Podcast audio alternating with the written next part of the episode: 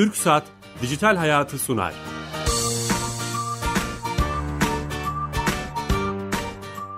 Efendim Dijital Hayat'a hoş geldiniz. TRT, TRT Radyo 1 mikrofonlarında internet, teknoloji ve sosyal medyanın hayatımıza etkilerini konuşuyoruz. Bugün çok insanlığını çok merak ettiği, hep de merak etmeye devam edecek olduğu belki de uzayı konuşacağız. Uzay teknolojilerini konuşacağız.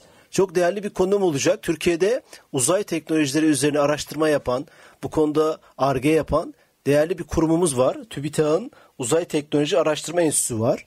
Onun değerli müdürünü doçent doktor Lokman Kuzu'yu konuk edeceğiz. Ankara'dan telefonla bağlanacak kendisi bize ve e, kendisine e, bütün soruları sormaya çalışacağız. E, ve uzayla alakalı, uzay teknolojiyle alakalı dünyanın nerede olduğunu, Türkiye'nin neler yapması gerektiğini, Türkiye'nin neler yaptığını e, uzun uzadıya her şeyi sorarak konuşmaya çalışacağız. Lokman Hocam hatta sanırım. Nasılsınız Lokman Bey? Teşekkür ederim. İyiyim. Siz nasılsınız? Sağ olun. Teşekkürler. Hoş geldiniz e, programımıza. Sağ olun. Teşekkür ederim. E, bu konuyu biz çok uzun zamandır gündem yapmak istiyorduk. Evet. Sizinle de tanışmış olduk. Bu vesileyle e, bu konuyu gündemimize aldık. Çok önemli bir konu. Benim de kişisel olarak merak ettiğim bir konu. E, TÜBİTAK'ın içinde böyle bir enstitünün olduğunu da belki çok kişi bilmiyordur. Böylece bunu da duyurmuş olduk. Başında da değerli bu konuyu dert edinmiş bir akademisyen hocamız var. Doçent Doktor Lokman Kuzu. Şimdi kendisiyle beraberiz.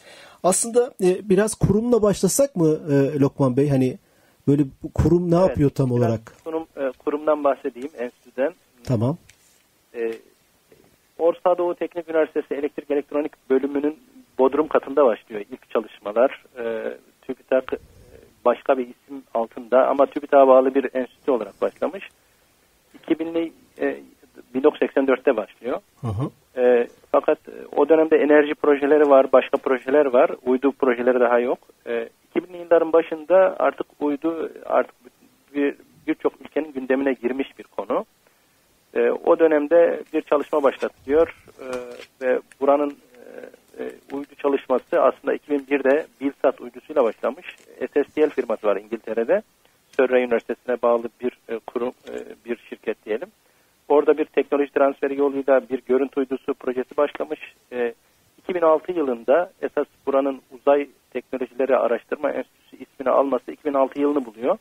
Çünkü BTYK kararıyla, Bilim Teknoloji ve Yüksek Kurulu kararıyla burası artık uzay öncelikli alan oluyor Türkiye'de araştırma noktasında.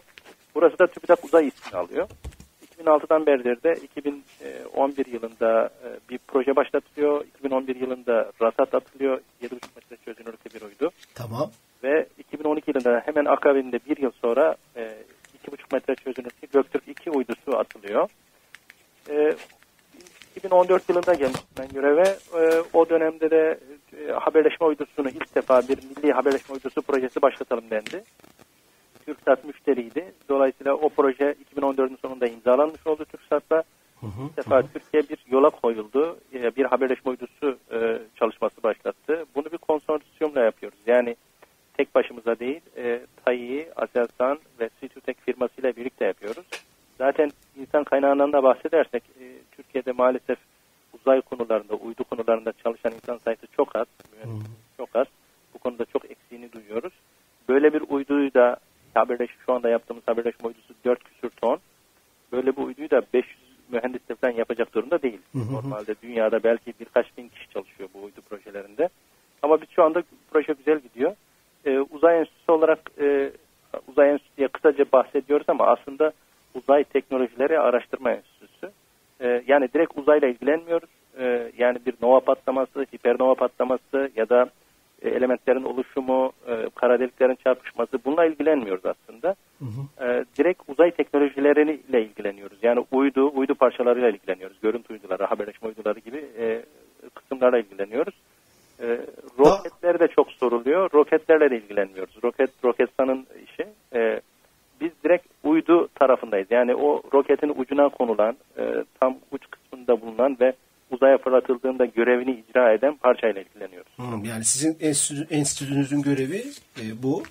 E, evet. Peki dünyada da mı böyle? Yani mesela NASA'yı biliyoruz. NASA bütün iş, bütün uzayın operasyonlarına ilgili NASA mı ilgili yoksa başka kurumlar da mı var? Yani NASA birçok araştırması var. 1958'de kuruluyor. belki ilk uydunun atılışından bahsetmek bahsetmek lazım. İlk uydu e, 1957 yılında Sputnik uydusu Ruslar atıyor. E, tabii o dönemde e, Amerikalılar uçak teknolojileriyle çok ilgileniyorlar. İşte 1 Mach, 2 Mach e, yani ses hızını geçen uçaklarla ilgileniyorlar. U, uydu teknolojileri daha onların gündemlerinde değil e, Amerika'nın ama bu, bununla birlikte Robert Goddard gibi e, roketçiler var. E, 1930'lardan beridir roket teknolojilerini çalışıyor. Ruslar bu konuda çok ciddi yatırımlar yapmış. 57'de ilk uyduyu fırlattıklarında tabii gündem değişiyor. Amerika'nın gündemi de değişiyor ve oturuyorlar karar veriyorlar. Yani e, çünkü Roma İmparatorluğu mesela yollar konusunda çok iyiydi. Hı hı. Yani şu anda dünyada teknolojik olarak pardon teknolojik olarak ileri seviyedeyim demek istiyorsanız uydu teknolojilerinde iyi olmanız gerekiyor. Yani uzay ve uydu teknolojilerinde iyi olmak gerekiyor. Başka şeyleri de tetikliyor değil mi hocam o? Başka tabii, bir teknolojileri tabii. de tetikliyor. Yani şimdi o tür projelere çalışırken yani o, belki onları da konuşuruz. Ee, mesela astronot giysisi tasarlarken spastik çocuklar için mesela yürüme e, işte aparatları geliştirdiler. Geliştirmiş oldular. Hmm. Veya bir malzeme çalışırken çünkü uzay ortamı çok soğuk ve e, basınçsız bir ortam. E, işte radyasyonu olan bir ortam. O ortam şey üretirken aslında dünyaya yönelik de birçok şey üretilmiş oldu. Üretiliyor daha doğrusu. Dayanıklı malzemeler gibi. Dolayısıyla e, bu teknoloji aslında bunu çalışmak aslında e, şeyin bilimin sınırlarını çalışmak gibi düşünmek lazım. Ya ortaları zaten herkes yapıyor ama sınırda çalıştığınız zaman yeni şeyler bulabiliyorsunuz. E, NASA'nın birçok konuda yani 58'den beridir yaptığı çalışmalar var ve dünyada bir numara. Yani ayırdığı bütçeyle düşündüğümüzde yaklaşık 19-20 milyar dolar civarında bir bütçe ayırıyor. Ve bütün dünyadaki Roskosmos, Avrupa Uzay Ajansı, JAXA yani Japonya'nın uzay ajansı vesaire bütün uzay ajanslarının ayırdığı bütçenin üstünde bir bütçe ayırıyor. Bütçesi yani, çok yüksek. Yani hepsini topladığınızda NASA'yı tutmuyor bunlar. tabii e, onlar tabii teknolojik olarak bu şeyi bildikleri için ciddi bir insan kaynağı yetiştirmiş durumda Amerika. 250 bin e, uzay çalış, uydu uzay çalışanı var. E, Rusya'nın da hakeza benzer bir rakam. Ama Türkiye'de maalesef bu çok az. Yani 500 ile 600 belki 1000 kişi falan diyebiliriz şu an için. Bundan birkaç yıl önce bir yapılan çalıştayda, SSM'nin yaptığı çalıştayda bu sayı sayılmış 469 olarak belirtilmiş o raporda. E, şimdilerde belki biraz daha artırıyoruz. Biz her gün e, yani e, yıllar içinde istihdamlar yaptık. insan yetiştirmeye çalışıyoruz. Dersler veriyoruz üniversitede. Aslında onu soracağım başkanım. Buyurun. Yani buyurun. E, yani sizin enstitünüzün yaptığı çalışmaları ve Türkiye'de neler yapılması gerektiğini belki çok kısa şunu sorabilirim. Şu an uzay teknolojileri açısından e, dünya nerede hani ortak e, akıl olarak diyelim o ortak hani insanlığın ortak projesi diyelim. E, işte Mars'ta yaşam vesaire o gibi ve orada yaşama, koloniler kurma oraya geldik mi? Yani en son bilgiler ne? Dinleyicilerimizi bilgilendirebilir miyiz bu konuda? Evet. Ee, en son şimdi e, Amerika 1960'larda e, Ay'a gitme projesini başlatmıştı. E, tamam. O projeye 1969'da yapmış oldu, bitirmiş oldu o proje. Apollo serisi projeleri. E, Ay'a gitmek mümkün şu an için. E, Mars'a gitmek de mümkün. E, ancak insanlı gidişler mesela Mars'a insanlı gidiş e, şu an için düşünülüyor. 2030'lu yıllarda düşünülüyor. NASA'nın bir Orion programı var. İşte SpaceX'in Elon Musk'ın bir şirketi var biliyorsunuz. Evet. SpaceX. O o firma şu anda kargo taşımacılığı yapıyor Uluslararası Uzay İstasyonu'na. Onun mesela böyle bir projesi var Mars'a gitmek gibi ve insanlı gidiş. Ya zaten hayali e, Elon Musk'ın para birikimi var. 8,5 milyar dolar nakiti varmış diye biliyoruz. Hı hı. E, ve ciddi bir girişimci biliyorsunuz PayPal'ın da sahiplerinden hı hı. ve ciddi paralar harcıyor ve bunu kafaya koymuş durumda ve Mars'a hani gidersem e, Mars'a gitmek istiyorum ama çarparak varmak istemiyorum gibi bir söz var. Peki bu iş özel özel sektörün de yapabileceği bir iş mi yani? Özel... Yani son yıllarda yani özellikle son iki yılda biz şeyi görmeye başladık artık uzay sektöründe yavaş yavaş bir ticarileşme yani ticari tarafa kayma noktasını görmeye başladık. Daha önce hep devletlerin elindeydi. Yani devletlerin desteğiyle giden çünkü çok pahalı projeler hı hı. E, devletlerin desteğinde gidiyordu. Şimdi artık biraz daha e, insanları acaba space turizm dedikleri yani uzay turizmi yapabilir miyiz noktasına getirdi. Girişimciler de e, işte bir tanesi Elon Musk birkaç girişimci daha var. E, mesela şey, Las Vegas'ta bir girişimci daha var Robert Bigelow diye. E, bu tür girişimciler artmaya başladı. E, şu anda e, görünen o ki insanları 100 kilometrelik bir mesafeye taşımak istiyorlar. Yani uzay dediğimiz şey tabii tanımlamak lazım. Dünyanın atmosferi e, işte 10 kilometrede bitiyor diyelim 15 kilometrede. Stratosfer, mezosfer, ionosfer gibi gidiyor. Bunun bir tanımı var. E, 80 kilometrenin sonrasına uzay diyen de var. 100 kilometrenin şimdilerde 130 kilometrede bahsediliyor. E, şimdilerde insanları en azından 100 kilometreye bir uzay ortamını görsün, mikrograviti ortamını görsün diye bir çalışmalar var. Bunu bir ticari şeye dökme niyetleri var. E, bir bir kazanç sağlama niyetleri var. Hı hı. E, Mars'a insanla gidiş dediğim gibi önümüzdeki belki 10 yıl sonra yapılacak bir proje. Çünkü oradaki en büyük sıkıntı birincisi 6 ay sürecek gidiş. Mars'ın en yakın olduğu mesafe 55 milyon kilometre. 6 ay sürüyor gidiş öyle mi? Yani neredeyse 6 ay sürecek. Bir 6 ayda geliş belki 3 ayda orada kalacaklar. Dolayısıyla 15 aylık e, insanı orada yaşatmanız gerekiyor ve bu ortam radyasyonlu bir ortam. E, hatta şu söyleniyor. Mars'a gidilebilir ama insan üremeye, üreyemeyebilir. E, çünkü şeyini kaybedebilir. O radyasyon ortamında aldığı dozdan dolayı o özelliğini kaybedebilir gibi e, çok ciddi tehlikeler var. Onları engellemeye yönelik yapılan önlemlerin çoğu da yetersiz kalıyor aslında. Yani bir manyetik alan oluşturuluyor ama o yüksek enerjili parçacıklar her, halüka- her halükarda bütün cisimleri delip geçebildiği için e, insan o dozu alıyor mutlaka. Yani uzaya giden her astronot mutlaka bu dozdan bir miktar alıyor. E, mesela siz uçakta uçuyorsunuz diyelim. Evet. E, uçakta uçarken de alıyorsunuz. E, veya daha yüksek yerde yaşıyorsanız biraz daha diğer insanlara göre fazla alıyorsunuzdur o dozdan. Ama o dozun öldürücü miktarı o, olmaması önemli. Dolayısıyla onu ayarlamaya çalışıyorlar. Yani öldürücü miktar da almıyorlar. Dolayısıyla sıkıntı sadece e, bir yaşam yaşamama, su bulma meselesi değil. Aslında e, başka meseleler de var. Dediğim gibi mikrogravity mesela bunlardan bir tanesi. İşte Nedir hocam o?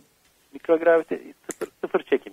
Yani sizin kaslarınız şu anda dünya üzerinde uygun bir şekilde e, normalde oturup kalkarken kaslarınız çalışıyor. Kalbiniz de ona göre bütün vücudunuza kan pompalıyor. Ama e, sıfır e, çekimin olduğu bir yerde yaşadığınızda bu kaslar gitgide zayıflıyor, kalp e, zayıflıyor. Dolayısıyla e, dünyaya e, indiğinizde o zayıflıktan dolayı kalp yetmezliği yaşanabiliyor. Ee, onun için günde 2-3 saat mesela uydu istasyonunda, e, uzay istasyonunda 2-3 saat egzersiz yapıyorlar. Kasları e, zinde tutabilmek. Dolayısıyla sorun sadece su bulma meselesi değil. Mesela çok basında çıkıyor. İşte Mars'ta su bulundu deniyor. İşte buz bulundu deniyor. Sadece su bulma meselesi değil. Radyasyon meselesi var, sağlık meselesi var, e, e, işte mikrograviti meselesi var. Yani birçok konu var aslında çözüm, çözülmesi gereken. Ama önemli şeylerden bir tanesi de su tabii ki. Çünkü Ama, ama bu konuda hocam şunu görüyoruz. Yani e, çalışıyoruz bu konuları çözmek için. tabii, Yani Amerika özellikle bu konuda çok çalışıyor. Tabii şu anda hatta şunlar bahsediliyor. Sadece Mars'a gidiş değil de mesela e, helyum rezervleri mesela dünyada çok az. E, bu şeyde ayda mesela helyum rezervleri var. Onları getir yani madenci yani uy- uzay madenciliği diye bir konu var şu anda konuşulan. Yani e, gidip oralardan maden getirmeyi bile düşünüyorlar şu anda. Ha, ne kadar feasible'dır, ne kadar e, karlıdır onu bilemiyorum ama e, şu anda konuşulan konulardan bir tanesi. Bir tanesi bu. Peki hocam, NASA'nın NASA'nın e, çok e, dediğim gibi çok ilginç projeleri var. Bizim bilmediğimiz projeleri de var. Yani Gizli bu basına yansımayan. Ama e, genel olarak dünyada e, 5-10 ülkenin sahip olduğu bir teknoloji uzaya gidebilmek e, veya roket teknolojisine sahip olmak E, ve bu te- Türkiye şu anda kendi gözlem uydusunu yapabiliyor. Haberleşme uydusuna başlamış durumdayız. E, parçalardan bazı parçalar yapabiliyoruz. E, hatta flight heritage diye bir konu var. Yani e, bir parçayı direkt olarak atamıyorsunuz da uyduya takamıyorsunuz. Onu takıp yedekli kullanıp önce bir çalıştığına emin oluyorsunuz. Buna biz e, uçuş deneyimi diyoruz. Uçuş deneyimi kazandırdığımız parçalarımız var mesela elimizde. E, Dolayısıyla Türkiye kötü bir noktada değil uzay teknolojilerinde ama daha gaza basmamız lazım çünkü diğer ülkeler yani Amerika, Rusya, e, Fransa, Almanya diyelim ileri ülkeler çok daha iyi noktadalar. Bizim hızlı bir şekilde buna adapte olup e, yetişmemiz lazım, insan yetiştirmemiz lazım. Evet hocam aslında siz benim hani soracağım soruya da giriş yapmış oldunuz. İleri gitmenin birkaç yolu var. Ben sizin bir yazınızı okumuştum. Ee, uzay teknolojiden ileri gitmenin dört yolu diye başlık yapmıştınız ve ikinci yolu tercih etmiştiniz. Bu dört yoldan bahsedebilir miyiz? Hem dinleyicilerimiz için de hani neler yapılabileceğinin anlamında güzel bir şey olur. Evet. Bir öngörü olur. E, Bizim gördüğümüz tabii e, dediğim gibi e, Çalışan belki bin mühendis yokuz. E, e, Amerika'da 250 binden bahsettik. Rusya'da 250 binden. E, Fransa'da belki 30 bin. işte e, İngiltere'de benzer şekilde. İran mesela İran'da 5 bin çalışan var bu şekilde. 5 bin. 5 bin. Yani dolayısıyla burada ülkeler çok ciddi yatırımlar yapıyorlar. Mesela Çin'de 50 bin deniyor, 100 bin deniyor. O rakam değişiyor kaynaklara göre ama e, yani Çin de. Çok agresif gidiyor. Çünkü Çin'i e, uluslararası uzay istasyonuna almadılar. Kendi programını başlattı. O Gravity filminde anlatılan şeylerden bir tanesi de o zaten. E, kendi istasyonunu yapamadığı için, pardon uzay istasyonuna ortak olamadığı için evet. istasyonunu yapmış durumda. orada Sandra Bullock'tu galiba. Sandra Bullock da öbür Çinlilerin şeyini kullanarak dünyaya iniş yapıyordu. Hı hı. O filmde. Evet evet izlemiştim. Marslı evet. filminde değil mi? Şey Martian değil de şeyden Gravity filmi. Gravity filmi. Evet. evet. Şimdi burada e, bizim sıkıntımız şu. E, dört, mod, dört modeli şöyle sıralıyorum ben. Bir e, iyi mühendisleri bir araya getir, getirerek araştırma geliştirme yapmak olabilir. Bu uzun bir yol. E, burada başarı garanti değil. E, mühendislere sonuçta imkan verdiğinizde yapıyor bizim mühendisimiz. mühendisimiz. Yani ben bu konuda çok güveniyorum mühendislerimize. İkincisi yurt dışından e, bu konularda çalışmış emekli mühendisleri istihdam etmek olabilir ki e, Fransa, Almanya'da bu konuda gerçekten artık e, emekli olmuş e, yaşlı mühendisler var ve bunların çok ciddi deneyimleri var. E, ve bunlar e, aslında böyle ikinci bir şey olarak e, arayış içindeler. Yani bu tür istihdamlar yapılabilir diye düşünüyorum. Gelirler mi peki? Yani e, bizim konuştuğumuz bazı mühendisler gelebileceklerini ifade ettiler. Sonuçta bu biraz şeyle ilgili. E, iyi bir imkan sunmanızla ilgili. E, o, o maddi imkanı e, güzel bir imkan sunarsanız ki Türkiye Avrupa'ya yakın bir ülke. E, mesela hemen örnek verelim. Ukrayna krizi mesela güzel bir şeye dönüştürülebilirdi. 91'de Türkiye Cumhuriyetleri dağıldığında ciddi bir e, profesör e, kaynağı çok azdı Türkiye'de kaldı. Hmm. Yani çoğu Avrupa ve Amerika'ya gitti. Orada bir e, gol yedik diyebilirim. Benzer şeyi mesela burada Suriye'de yaşıyoruz. 2 milyon 700 bin, 3 milyon e, mülteciden bahsediyoruz. Bunların e, yani bizim ulaştığımız 1600-1700 tane profesör var içinde. E, yani bu insanları kullanmak lazım. Hızlı bir şekilde adapte etmek lazım yani yurt dışına kaçırmadan. Çünkü sonuçta onlar yetişmiş insan kaynağı. E, artı Ukraynalılar mesela uydu teknolojilerinde Ruslardan daha az değildir. E, Amerika'dan daha az değildir. Yani ellerinde güzel teknolojiler var. Onlar transfer edilebilir. Dolayısıyla bu en e, hızlı gitmenin yolu. E, yani bir teknolojiye seviyede iyi bir yere gelmek istiyorsanız bir yerden transfer etmeniz lazım ki bu modeli Amerika'da kullanıyor. Mesela Amerika e, bahsettim ya 58 yılında başladığında e, bu işe e, roket teknolojisi ve e, uydu teknolojilerinde ileri değildi uçakları çalışıyordu çünkü. Hızlı bir şekilde Almanya'dan roketçileri transfer etti. Ruslardan transfer etti. O şekilde kapattı açığı. E, dolayısıyla bu model dünyada yapılmış. Yapılan bir model ve sizin de herhalde bir üstünde durdunuz bir aynen, model. Aynen. Üçüncü model e, yurt, yurt dışına mühendisleri gönderip bu işi orada öğrenmelerini sağlamak olabilir ki e, yani International Space University var. Uluslararası Uzay Üniversitesi Strasbourg'da. Bu tür eğitimler mevcut şu anda uzay eğitim, uydu eğitimleri. Bu eğitimleri aldırtılabilir. Master doktorla yaptırılabilir ki o da aslında bir, bir müddet zaman gerektiriyor ama bunun da hani iki, üçüncü bu bahsettiğim modelinde vazgeçmemek lazım. En halükarda insanımıza güvenip e, bu insanları yurt dışında eğitim görmelerini sağlamak lazım. Yani Hı. onun da çok büyük faydasını görüyoruz. Peki. Dördüncü modelde işbirliği yapmak olabilir ki işbirliği yapmak e, olunca tabii e, mesela Fransa, Almanya bize devlet olarak nasıl baktığını, politik olarak nasıl baktığını herkes biliyor. Yani en son Almanya'nın e, meclisinden geçen kararı görüyorsunuz. Dolayısıyla e, yani oralarla işbirliği yapmayı ben zor görüyorum. Biz mesela NASA başkanına sormuştuk. Yani collaboration yani işbirliği yapar mısınız? Yapmayız dedi. Yani öyle bir ihtiyaçları yok çünkü NASA'nın. Ama mesela Japonya'nın bizimle sınırı yok. Ee, ve politik olarak da bir e, kesiştiğimiz bir nokta yok. Yani çok rahat işbirliği yapılabilir, astronot yetiştirilebilir. E, bu tür işbirliklerine gidilebilir. Mesela International Space Station, Uluslararası Uzay İstasyonu bir ara düşürülmek istendi. Çünkü 100 milyar dolar harcanmış ve 7 ülke e, ortak ve ciddi paralar yiyor orası. Yani bir sürü deneyler yapıldı üzerinde mikrograviti ortamında işte buğday yetiştirmeden tutun bir örümcek götürdüler mesela. Örümceğin ağı, ağını yapabiliyor mu? Yani çeşitli deneyler, bilimsel deneyler yapıldı. E, ilaç üretiminde bazı gelişmeler oldu. Başka teknolojilerde gelişmeler oldu oradaki yapılan deneylerde. İşte burayı düşürmek istediler çünkü bütçe yetersizliği, yetersizliği vardı. Şunu mu öneriyorsunuz yani oradaki bazı projelere biz de katılabiliriz? Tabii katılabiliriz. Yani ortak olunabilir ama onlar da bir ciddi bütçeler. Yani bizim gerçekten katkı yapacağımız noktalara e, parmak basmak lazım. O da bir, bir başka model. Ama benim hani bu dört saydığım e, konudan en hızlısı e, ve dünyada da denenmiş olanı bu konuda yetişmiş insanları istihdam etmek burada. Bunun önünü açmak.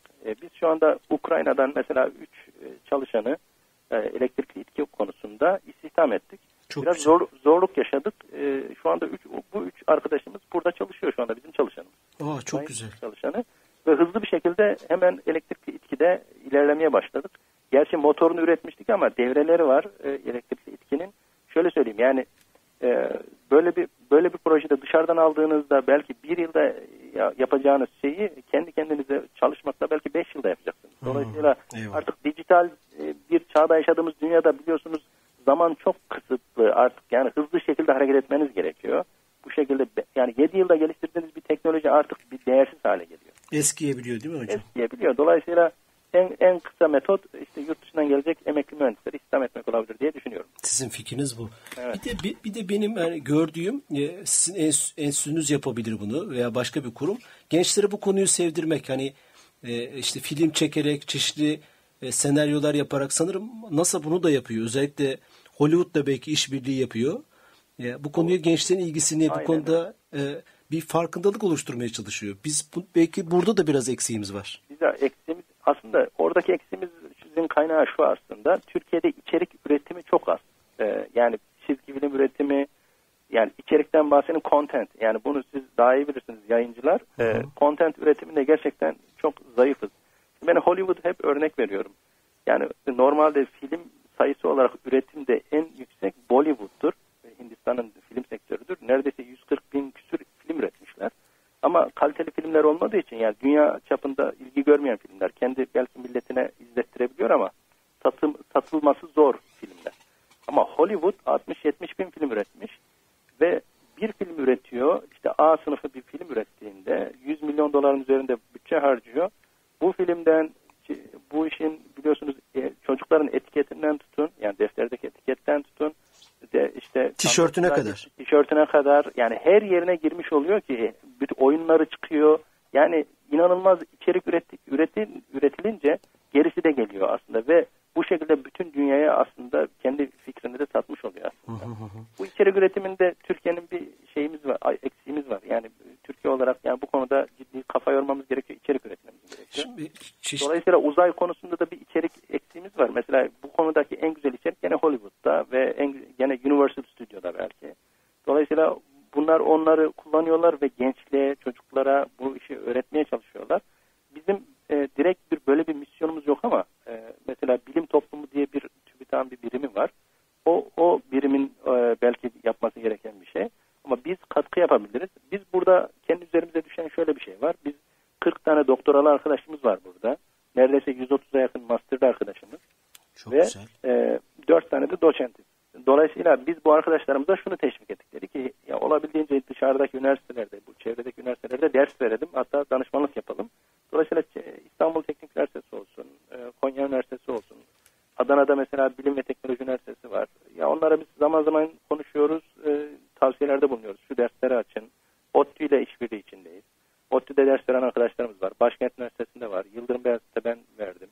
Şu anda ODTÜ'de vermeye başlayacağım. Dolayısıyla çeşitli yerlerde e, master ve undergrad e, yani lisans dersleri vermeye çalışıyoruz. Bu şekilde o açığı da kapatmaya çalışıyoruz. Sanırım... Bir kendi içimizde iç eğitimler yapıyoruz ki e, yeni gelen arkadaşlarımız çabucak adapte olsunlar buradaki programlara şeklinde. Onu da iç eğitimde kapatmaya çalışıyoruz. Hı hı. Sanırım bazı bilim merkezleri de var. Gene sizden duymuştum. Konya'da bir bilim merkezi. Evet. Orada gençlerin buradaki ortamı yaşamaları, görmeleri için. Aynen öyle. Aynen öyle. Yani bilim merkezleri 81 ülkede karar alındı. 81 ülkede pardon 81 e, şehirde, şehirde bu bilim merkezleri artık e, kusura bakmayın ülkede ülkelerden bahsederken bir anda Evet evet e, olsun anladık biz hocam. E, evet 81 şehirde yapılıyor. Konya'daki ilk oldu. Orada e, uzayla ilgili güzel bir e, planetaryum yapılmış. Beş tane içerik almışlar dışarıdan. Ben bir tanesini seyrettim. Çok hoşuma gitti. Hı hı. E, burada da aslında şunu söylüyoruz. Yani e, milli eğitimin aslında bu işi müfredata koyması lazım. Çünkü bu iş böyle eğlenceyle yapılacak, öğretilecek bir konu değil. Yani insanları e, eğlenmeye bırakırsanız başka işlerle uğraşıyor. Ama müfredata bizzat koyulursa mesela bilim merkezlerinin ziyareti e, hafta bir olabilir e, veya e, o kendi içlerinde ayarlayabilirler müfredatını. E, bu şekilde hocalara bizzat görev verilirse mesela oraları ziyaret ettirilebilir ve bu bu tür programlardan içeriklerden de faydalanmış olur öğrenciler ve e, ve bu konularda iştiyak duymaya başlarlar. Yani bizim tavsiyemiz milli eğitimin belki bu konuda müfredat çıkarması ve bizzat öğren, öğretmene bu konuyu dikte etmesi. Çünkü öbür türlü beden dersi gibi, müzik dersi gibi olacağını düşünüyorum ben yani. Hmm. Hani olsa da olur, olmasa da olur mantığıyla zamanları geçirecek, geçirecekler e, ve bir şey öğretilmeyecek. Ama bizzat müfredata uygulanırsa sanki bu uydu konusu biraz daha gençlere öğretilmiş olur diye düşünüyorum. Milli Eğitim Bakanlığı da burada bir görev düşmüş oldu. Evet, evet. Bir de ben kişisel olarak son bir dakikada sizin e, Twitter'dan, Facebook'tan, dijital ortamlardan bu bildiklerinizi aktarmanızı rica ediyorum. Çünkü çok değerli bilgiler var. E, böyle bir çalışmanız var mı veya var da biz mi bilmiyoruz? Hani son 30 saniye için. E, tam sorunuzu anlayamadım. Yani Twitter veya Facebook'ta hesabınız var mı? Oradan bu bilgileri Facebook'ta, paylaşsanız Facebook'ta bizimle. Facebook'ta aslında hesabım vardı, kapattım. Beni meşgul ettiği için.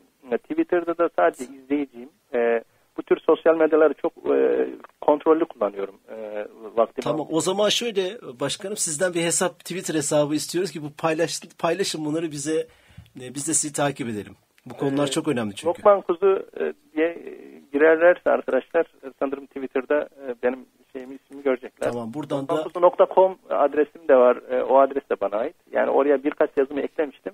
Aslında daha çok yazı ekleyebilirim. Elimde belki 200'e yakın yazım var, teknik yazım. Tabii derdimiz şu, bu gençlere anlatabilmemiz lazım. Bizi kimse yönlendirmedi zamanında. E, dolayısıyla Eyvallah. bunun derdini yaşıyoruz. Yani e, gençlerimize, öğrencilerimize bu işin iştiyakını duyur, duyuralım. E, Eyvallah. Şey alsınlar, zevk alsınlar öğrendikleri konulardan. Sağ olun. Bu iş biraz böyle teorikte değil de pratiğe dökerek anlatabilirsek e, bu işler olacak diye. Sağ olun başkanım. Süremiz gitti maalesef ama çok süper konulardan bahsettiniz. Uzaydan bahsettiniz. Teşekkür ederiz. Biz de teşekkür Sizi yorduk. Ee, Ankara'ya ekibe selamlar. Sağ olun. Sağ olun. Teşekkürler. Kolay gelsin. Evet, e, TÜBİTAK Uzay Teknoloji Araştırma Enstitüsü Müdürü Doşent Doktor Lokman Kuzu ile beraberdik. E, uzay ve uzay teknoloji Türkiye'nin olduğu yeri konuştuk. Haftaya yeni konu ve konuklarla bir arada olacağız. İyi hafta sonları. Hoşçakalın.